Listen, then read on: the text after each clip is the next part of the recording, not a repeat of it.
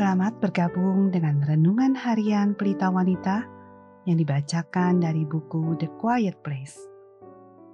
Pembacaan Alkitab hari ini diambil dari Lukas 7 ayat 11 sampai 17.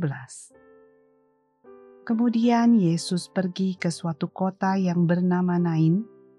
Murid-muridnya pergi bersama-sama dengan dia dan juga orang banyak menyertainya berbondong-bondong.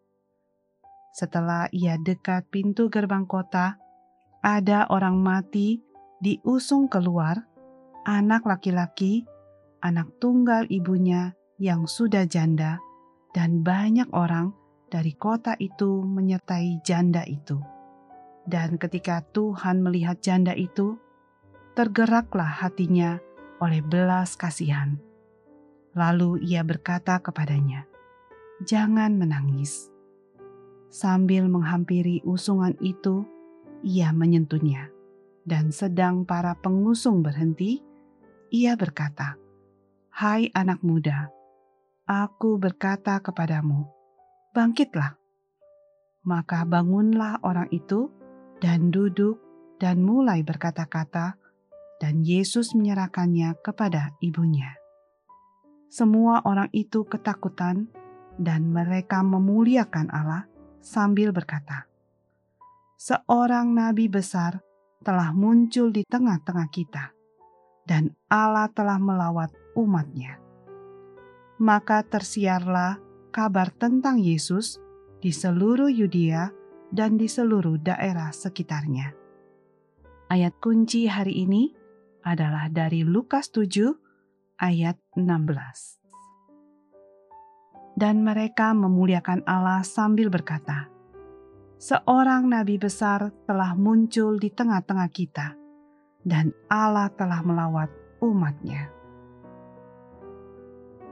Kunjungan Ilahi Tema kunjungan ilahi ada di sepanjang Perjanjian Lama dan Baru.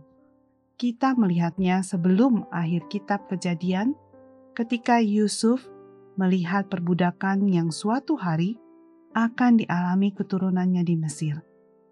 Ia berkata kepada anak dan saudara-saudaranya, "Tidak lama lagi aku akan mati. Tentu Allah akan memperhatikan kamu dan membawa kamu keluar dari negeri ini, ke negeri yang telah dijanjikannya dengan sumpah kepada Abraham, Ishak dan Yakub Kejadian 50 ayat 24. Di dalam kedaulatan waktu Allah, pelepasan dari perbudakan di Mesir tidak terjadi sampai 400 tahun kemudian. Tetapi ketika Allah datang, ia datang dengan kuasa dan kasih sayang yang lembut. Ia berfirman bahwa ia melihat kesengsaraan umatnya dan mendengar tangisan mereka untuk pembebasan. Keluaran 3 ayat 7. Ini bukan panggilan sosial. Ini adalah peristiwa yang mengubah sejarah. Ini adalah pekerjaan keselamatan oleh Allah yang Maha Kuasa yang peduli akan anak-anaknya dan datang untuk menyelamatkan mereka. Sampai pada zaman Lukas 1, sudah 400 tahun berlalu sejak adanya suara para nabi di Israel. Sebuah masa kelaparan rohani yang panjang. Bukan kelaparan akan makanan dan bukan kehausan akan air, melainkan akan mendengarkan firman Tuhan. Amos 8 ayat 11. Tetapi ketika waktunya datang, pada akhir masa kegelapan, Allah sekali lagi melangkah ke dalam ruang dan waktu, memberikan firman-Nya kepada seorang imam bernama Zakaria bahwa anaknya yang akan datang akan memberitakan kedatangan anak Allah. Terpujilah Tuhan Allah Israel.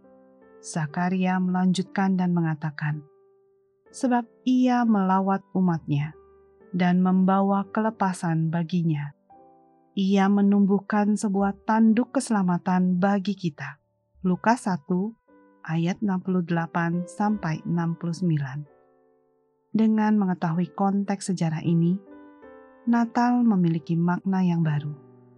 Bukan sebuah liburan untuk berkumpul bersama keluarga dan membuat kue-kue kering, tetapi kunjungan ilahi yang diperlukan untuk melepaskan kita dari tahanan rohani dan memenuhi kebutuhan kita.